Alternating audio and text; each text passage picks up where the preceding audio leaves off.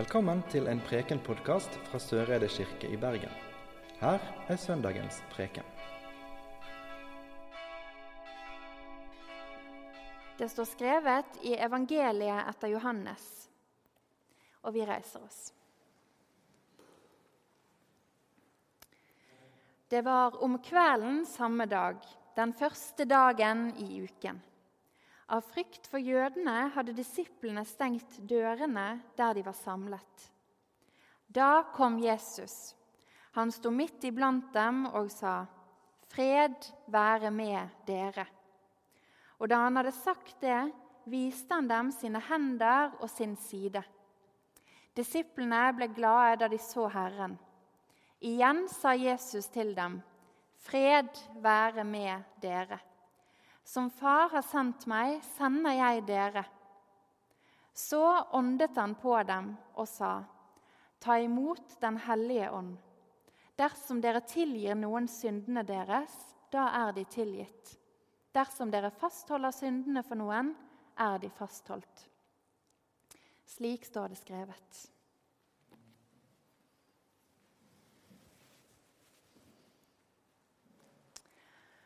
Har du noen gang tenkt at det ville vært bedre om du levde på Jesu tid?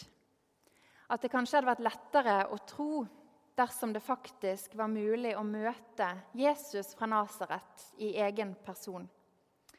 Eller i alle fall være en av disse menneskene i en av folkemengdene, som i det minste fikk et lite glimt av han. Jeg har tenkt sånn, og det vet jeg at jeg ikke er alene om. Men Jesus levde i et geografisk avgrenset område, begrenset av tid og rom. Og det er faktisk sånn at De fleste menneskene som den gang levde i verden, de visste ikke hvem han var. Forrige torsdag så feiret vi Kristi himmelfartsdag her i Søreide og på nett. Vi markerte at Jesus ble tatt opp igjen til himmelen, eller at han gikk tilbake til å jobbe fra hjemmekontor som noen har påpekt. Hans gjerning på jorden var ferdig. Det er fullbrakt, ropte han før han utåndet og døde på korset. Og Så sto han opp igjen, viste seg for disiplene og var sammen med dem i 39 dager, før han dro tilbake til dette hjemmekontoret.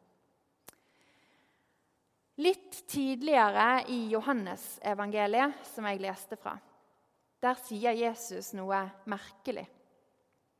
Han sier til vennene sine at det er det beste for dere at jeg går bort. For dersom jeg ikke går bort, kommer ikke talsmannen til dere.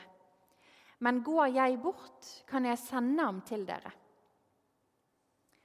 Jesus sier at det er bedre for oss at han går bort. Det er bedre for oss at Gud ikke lenger er begrenset av tid og rom. Nå er det pinse, og dagens pinsetekst er lest. Den oppstandende Jesus kommer gjennom en lukket dør, puster på disiplene og ber de ta imot Den hellige ånd, og sier flere ganger 'Fred være med dere'. Jeg vet at det er mange som syns at denne her hellige ånden er litt sånn vanskelig å få tak på. Men for disiplene så var det nok et kjent uttrykk. For gjennom hele Det gamle testamentet og Israels historie så er denne ånden stadig vekk på visitt. Ånden er den som skaper liv. Derfor kalles han også ofte for livgiveren. Allerede på Bibelens første side er Ånden til stede. Der står det at i begynnelsen skapte Gud himmelen og jorden. Jorden var øde og tom. Mørket lå over dypet, og Guds ånd svevde over vannet. Altså er Ånden med fra tidenes morgen, som den som skaper. Og når mennesket blir skapt, så former Gud en klump med støv fra jorden og blåser livspust i nesen på det. Livspust og Guds ånd henger sammen og gjør mennesket til en levende skapning. Og denne ånden gjør en del viktige visitter gjennom Bibelens fortellinger. Alltid er det for å skape, veilede og utruste. Og ånden kommer til profeter, til prester og viktige folk som har lederansvar. Og I vår tekst så kommer Jesus til en engstelig og motløs disippelflokk som slettes ikke har lyst til å være ledere. Men så puster han nytt liv i dem. Slik som Gud, skaperen, en gang pustet liv inn i støvklumpen, så ble til menneske. Slik puster Guds sønn, frigjøreren, nytt liv inn i en engstelig og motløs disippelflokk og han ber de ta imot Den hellige ånd. Ånden den er Guds nærvær, som får skaperverket og skapningen til å puste. Den skaper liv, og den utruster disse her redde og engstelige disiplene til å være med å skape den kristne kirke over hele jorden. Skaperverket var nemlig ikke avsluttet da Gud hadde fullført sitt verk den sjette skapelsesdagen og hvilte på den syvende, slik som Første Mosebok forteller. Menneskets historie startet heller som en ny uke. Og Gud fortsetter å skape. Og der er mennesket en viktig medskaper.